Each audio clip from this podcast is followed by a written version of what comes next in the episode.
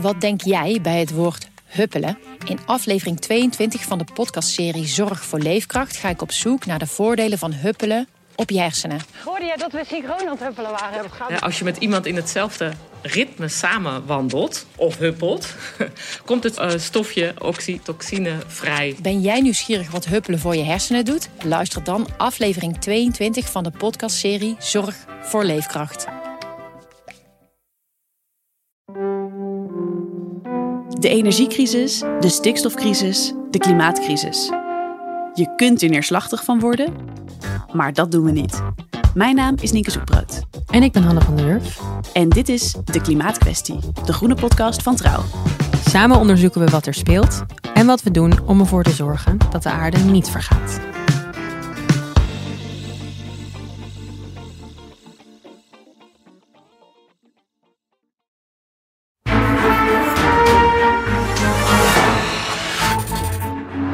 Hittegolven op drie continenten tegelijk.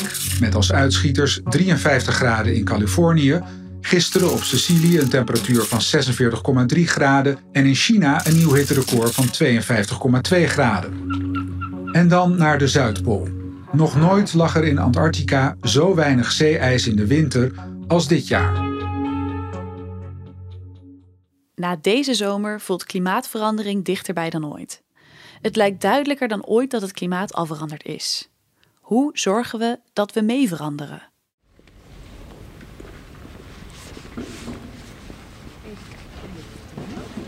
Waar moeten we naartoe? We liften naar de achtste etage.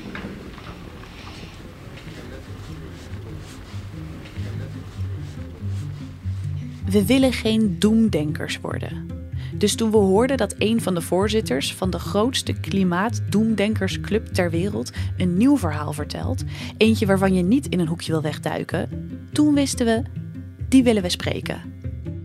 Dus we stappen in de lift naar de achtste etage van het universiteitsgebouw van de Vrije Universiteit in Amsterdam. Hallo.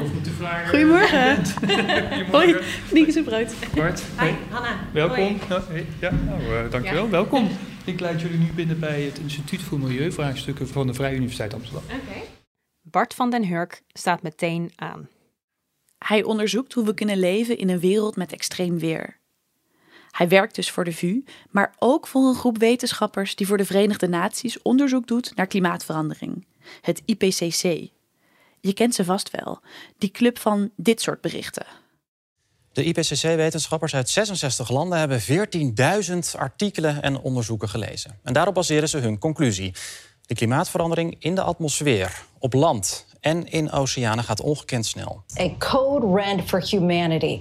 Tonight we begin with the wake-up call from the United Nations on what they call the unequivocal impact humans are having on our planet. Their once-in-a-decade climate report is out today, and with it comes a warning about what could happen if humans do not aggressively change. The report's authors are essentially sending the world's leaders a final wake-up call: curb emissions and dramatically reduce consumption, or face a world that is fundamentally different.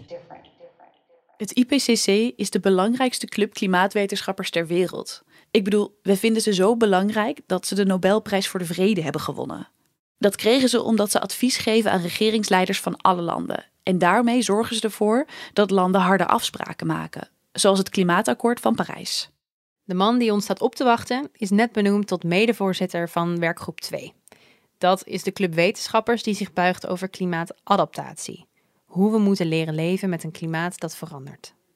Ik denk in de geschiedenis van IPCC, en dat gaat terug tot 1988 geloof ik, was uh, de eerste cyclus. Dat was vooral een moment waarop, of de periode waarin we vooral ja, het, het vlaggetje gingen hijsen, hey, het klimaat is aan het veranderen. Dat was echt het decennium van, van werkgroep 1, hè, de, degene die zich met die, dat klimaat bezighoudt.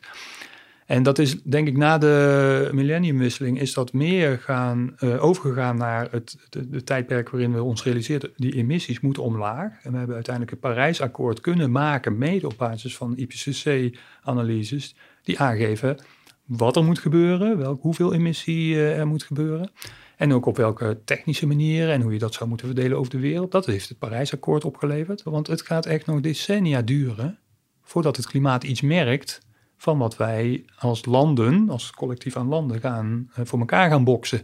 voor het terugdringen van die emissies. Dat gaat decennia duren. En ondertussen zien we ook afgelopen jaar weer hoe, uh, hoe snel klimaatverandering zich kan manifesteren. We zien ineens op één jaar een heleboel dingen tegelijk gebeuren, waarvan we elk van die dingen zeggen van ja, dat hoort wel een beetje bij klimaatverandering. Maar de samenkomst van die dingen geeft veel mensen toch wel een ja, ongerust gevoel.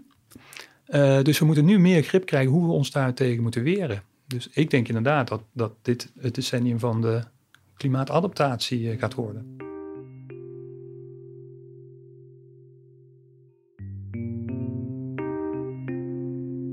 Ja, we zijn dus met z'n allen een nieuw tijdperk ingegaan. Hè? Ik dacht dus altijd dat je dat merkt als je een nieuw tijdperk ingaat. Maar kennelijk zijn we er dus al. En dan doe ik er nog een schepje bovenop. De oorzaak van dat nieuwe tijdperk, die ligt inmiddels ook vrij vast. Het, het verhaal is eigenlijk uh, van, van oudsher geweest. Het klimaat verandert. Uh, dat komt door de mens. Of ja, dat verhaal heeft zich zeg maar per editie steviger gemaakt. De eerste rapporten zeiden van nou, het is redelijk waarschijnlijk dat de mens eraan bijgedragen heeft. En de latere rapporten zeiden van nou, het is vrijwel zeker. En, en het laatste rapport zei van nou, er is geen twijfel meer. Dus dat verhaal heeft ook tijd nodig gehad om de mens als factor in dit, in dit uh, proces te beschouwen. Dat heeft tijd nodig gehad. En dat verhaal is, is, er, is er denk ik nu wel, wel uh, steviger dan ooit. Als je kijkt naar de, de wetenschappers die in IPCC bij elkaar komen om die rapporten te schrijven, daar zit wel een redelijk unaniem gevoel van ja, dat actie echt nodig is. Dat we zowel aan de emissies, maar ook wel aan die aanpassingen, daar, we moeten, daar moet een tandje bij. Het IPCC zegt de laatste jaren steeds luider en duidelijker: beste mensen, klimaatverandering komt door ons. En we moeten ons niet langer afvragen of het klimaat verandert, maar hoe we ermee kunnen leren leven. Een helder verhaal, vind je niet? En ja, ik zie het ook wel als ik uit het raam kijk of als ik het nieuws volg. Maar dat verhaal lijkt steeds minder aan te komen. En, en ja, we zien ook dat ja, die rapporten, die, die, die zijn elk jaar of elke lichting zijn ze weer dikker geworden. Omdat de wetenschap die gaat ook enorm uh, hard vooruit. Elke dag verschijnen er 80 wetenschappelijke publicaties over klimaat. Nou, dat, dat hou je bijna niet bij. Maar dat zie je dus ook, dat die rapporten die worden op een gegeven moment ja, gewoon steeds dikker en dikker en dikker. Maar dat was ook wel in de, in de vergadering waarop die verkiezingen waren voor die coaches, voor die medevoorzitters. Zei iemand ook van ja, wie leest dat nog? Zelfs de samenvatting die we voor de beleidsmakers maken, die wordt maar door een fractie van de Tweede Kamerleden in Nederland gelezen. Weet je, dus wij we zullen ook in onze taal en boodschap iets moeten doen die, die ervoor zorgt dat we, dat we toch meer in de actie komen. Want het gaat te langzaam. De feiten vertellen zoals ze zijn en dan komen mensen vanzelf in actie. Dat is wat klimaatwetenschappers de laatste decennia deden. Maar dat was misschien te simpel gedacht. En ik snap het wel. Als het weer gaat over 1, 2, 3 graden opwarming, heb ik ook zin om mijn vingers in mijn oren te stoppen. En de mensen die de wetten maken voelen dat kennelijk ook zo, als ze zelfs de samenvatting van de rapporten niet meer lezen. Waardoor komt dat? Dat veel mensen wel weten dat het klimaat verandert, maar zo lijken te worstelen met die stap daarna, om daar ook echt iets aan te doen. Uh, uh, ik vond ook een hele mooie studie van een paar jaar geleden. Die hebben uh, uit Cambridge Universiteit, die hebben het, het, het, klimaatdebat is gevolgd in alle media en, en, en blogsfeer en dat soort dingen. Gewoon over de decennia heen. En, en, en je weet nog, in de jaren ja, 2010 en zo had je, had je veel, nog steeds heel veel debatten die gingen over of het klimaat wel verandert. En dan had je heel veel denial, hè, ontkenning. En je ziet dat dat, dat, dat, dat, dat deel van het debat is veel stiller geworden. Maar je ziet nu heel veel elementen opkomen die gaan over delay, vertraging. Allemaal trucs om vertraging van klimaatbeleid in de hand te werken. En een hele belangrijke uh, truc is Eerst moet China, want die zijn veel groter, en dan zijn wij aan de beurt.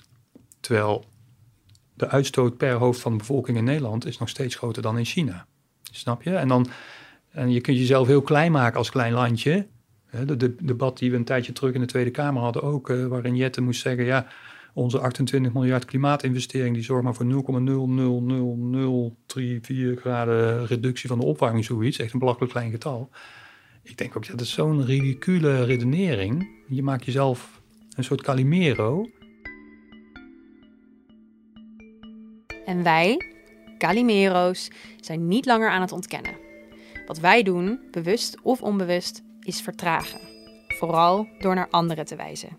Want ik ben klein en zij zijn groot. En dat is niet eerlijk. Een andere redenering die ook niet klopt. Als wij als westelijke landen nu al gaan zeggen van nou, nee, ja, nee, doe maar niet of zo. India, een land wat honderd keer zo groot is als Nederland. Je ziet ons, hebben, we hebben 100 jaar, 150 jaar heerlijk geprofiteerd van al die emissies. Hebben dat niet in een fonds gestopt om klimaatschade af te... En nu wordt India gezegd, ja, nu moeten jullie naar beneden. Zij denken, doei.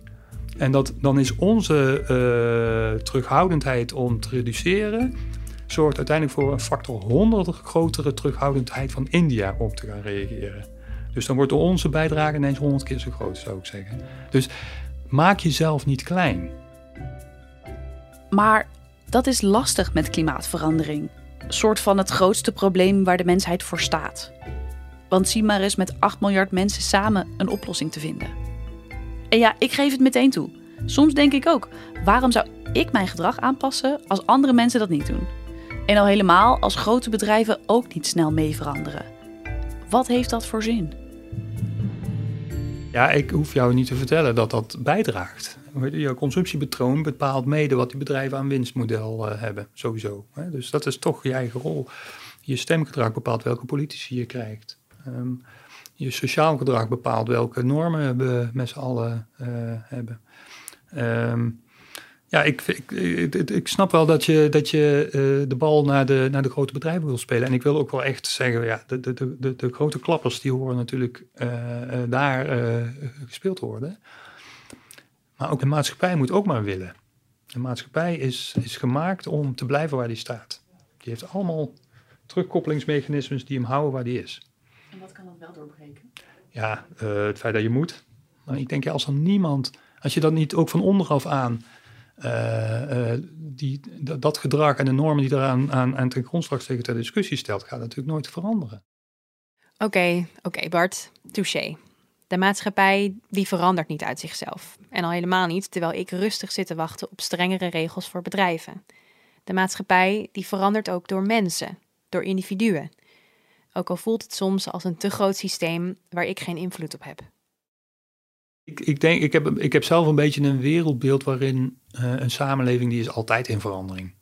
Dat, dat is er niks nieuws aan. Zolang, zolang er mensen rondlopen zijn we al uitvindingen aan het doen, zijn de sociale structuren aan het veranderen, uh, hebben we gevallen van conflicten, maar dan ook weer een manier om die conflicten bij te leggen. Zijn we slimmer met eten en de natuur, weet ik veel wat.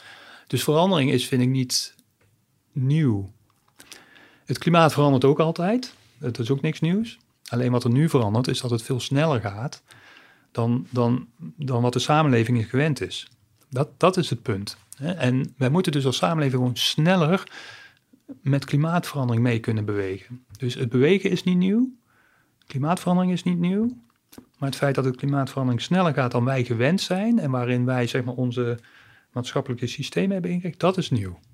Dus het gaat vooral om het beseffen, oeh, dit vergt wel heel veel tempo. Uh, maar urgentie gaat niet alleen over uh, het feit dat er in Canada uh, zoveel bosbranden zijn.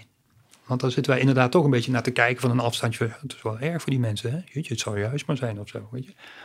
En, maar ik vind de urgentie die hoort, die hoort bij onszelf terecht te komen. Ook wij hebben iets, iets, iets te doen. En, en, en niet aan die bosbranden in Canada, maar indirect natuurlijk wel via onze emissies. Maar ook wij hebben iets te doen aan onze eigen weerbaarheid. Ik, ik ben eerlijk gezegd zelf meer gealarmeerd door het feit dat we zo moeilijk beleid kunnen implementeren, dat het zo langzaam gaat, dat er zoveel krachten zijn die voorkomen dat we vooruitkomen. Dat vind ik eerlijk gezegd alarmerender dan het feit dat we afgelopen zomer zoveel extreme weersituaties tegelijk hadden. En ik vind dus echt dat we onszelf uh, veel meer moeten, moeten afvragen: hoe zorgen we ervoor dat we als, als samenleving vooruit kunnen, dat we beleid maken en, en, en op zoek moeten gaan naar de mechanismes die dat voorkomen. Wacht, hoe is dit hoopvol? Nou ja, het probleem, zegt Bart, is niet zozeer dat het klimaat verandert of nou ja, het extreme weer van de afgelopen zomer. Het probleem is eerder dat mensen niet snel genoeg veranderen. En dat is vrij logisch, want we houden gewoon niet zoveel van veranderen. Maar het hoopvolle is De maatschappij, dat is geen vaststaand iets. Die verandert de hele tijd. En die bestaat uit mensen en kan dus ook veranderen door mensen. En ik vind het heel goed hoe we met, met, met groeperingen als Extinction Rebellion, maar ook heel veel uh, wat minder uitgesproken groepen, gewoon ook die normen ter discussie stellen. Dat je het, het is eigenlijk gewoon een no-brainer dat als je op vakantie gaat, dat je dat niet met het vliegtuig doet, bijvoorbeeld. Het gesprek daarover vind ik ook een individuele bijdrage aan, uh, aan de verandering. En uh, ja, dus ja, en, en ik vind het heel vervelend om, uh, om, om in mijn eigen vriendenkring natuurlijk ook om dan te zeggen, ja, ik ga ook niet steeds als dominee lopen preken. Ja, doe je dat nou alweer? Ik zou dat niet doen, weet je wel. En, en ja, wie ben ik? Ik moet voor IPCC ook nog wel eens in het vliegtuig stappen. Dus ik krijg ook meteen weer de, de, de, bal, de bal teruggespeeld. Maar ik vind wel dat het gesprek daarover hoort te gaan. Het wordt, uiteindelijk moeten we naar een nieuwe normering van wat, wat ons gedrag eigenlijk, wat normaal gedrag is, vind ik. En ja, dan het liefst zonder over te komen als bedweter. Hoe krijg je mensen zover dat ze uit zichzelf meedoen? Alarmerende feiten vertellen en hopen dat mensen vanzelf in actie komen, dat werkte dus niet genoeg. Het, het, het is verleidelijk om, om berichtgeving over klimaatverandering, ook die, die, hoe IPCC ze presenteert, inderdaad als een één grote bron van ellende te, over je heen te laten komen. Dat, dat, dat, dat voelt vaak zo voor heel veel mensen. En ik denk ook dat wij als IPCC dat ook wel iets anders kunnen doen. En zouden moeten doen. Want ik, ik denk dat, kijk, de urgentie is, is, is hoog. Weet je, dus wij we, zullen ook in onze taal en boodschap iets moeten doen die, die ervoor zorgt dat we, dat we toch meer in de actie komen. Want het gaat te langzaam. Als je kijkt naar de, de wetenschappers die in IPCC bij elkaar komen om die rapporten te schrijven, daar zit wel een redelijk unaniem gevoel van. Uh, ja, dat actie echt nodig is. Dat we zowel aan de emissies, maar ook wel aan die aanpassingen, daar, we moeten, daar moet een tandje bij. Ik heb een tijd terug, heeft een, uh, een Europese ambtenaar ook wel eens tegen zo'n groepje klimaatwetenschappers gezegd, jongen, weet je wat jullie taak is? Uh, niet alleen om kennis of, of wetenschap te vertalen. Nee, je moet mensen, je moet eigenlijk de beleidsmakers moet je, je moed geven om te geloven in een verhaal wat zij weer aan hun belang hebben, aan hun ingezetenen, uh, de kiezers of de, de, mensen die ze vertegenwoordigen, die moeten het ook weer kunnen verkopen. Dus we zijn eigenlijk uh, verkopen verhalen. Waarmee mensen moed verzamelen om besluiten te nemen. Ook als je in de breedte, uh, kunnen we misschien nog wel meer dan we nu doen, de, de, de, de voorbeelden delen, de goede voorbeelden delen. De, de verhalen delen van mensen die, die ook opzagen tegen een, uh, een, een, omschakeling en het toch uiteindelijk gedaan hebben en er goed uitspringen of zo. En, of van groepen. Ja, er zijn heel veel maatschappelijke organisaties, allemaal burgerinitiatieven met, met energiecollectieven en, en herenboerderijen en, uh, en, en uh, deelauto's en wat dan ook.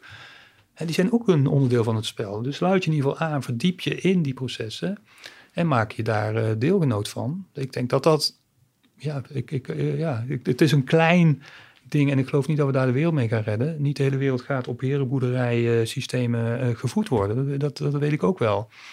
Maar ik vind het een verhaal wat de moeite waard is om te vertellen. En, en wat mij betreft geeft het hoop. Er zijn heel veel mensen met eenzelfde mindset als jij die dit ook willen. En die ook zoeken naar hoe kan ik daaraan bijdragen. Het klinkt een beetje kumbaya. Vind je niet?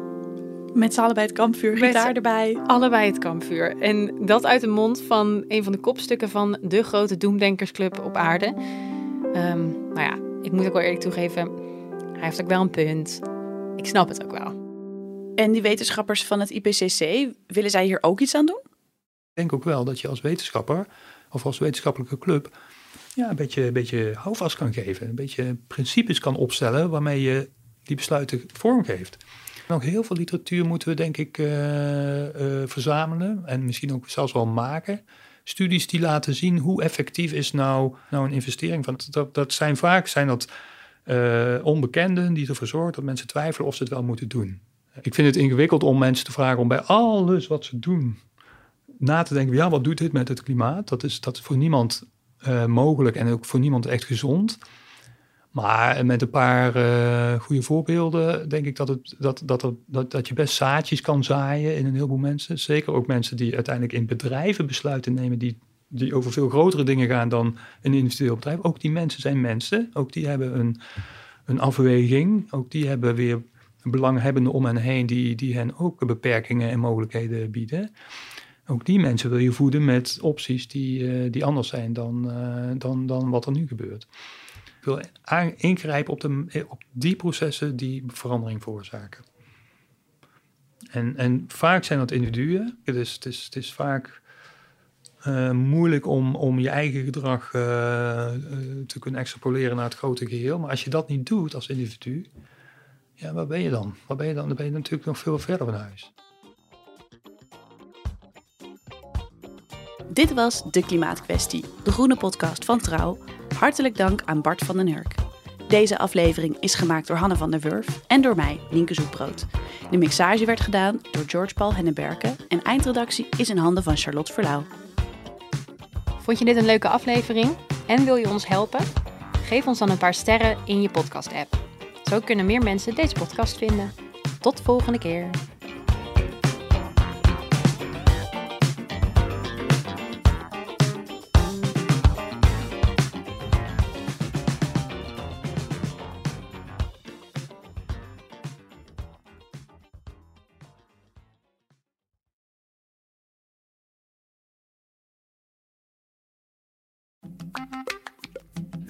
Wat denk jij bij het woord huppelen? In aflevering 22 van de podcastserie Zorg voor Leefkracht ga ik op zoek naar de voordelen van huppelen op je hersenen. Hoorde jij dat we synchroon aan het huppelen waren? Ja, als je met iemand in hetzelfde ritme samen wandelt of huppelt, komt het uh, stofje oxytocine vrij. Ben jij nieuwsgierig wat huppelen voor je hersenen doet? Luister dan aflevering 22 van de podcastserie Zorg voor Leefkracht.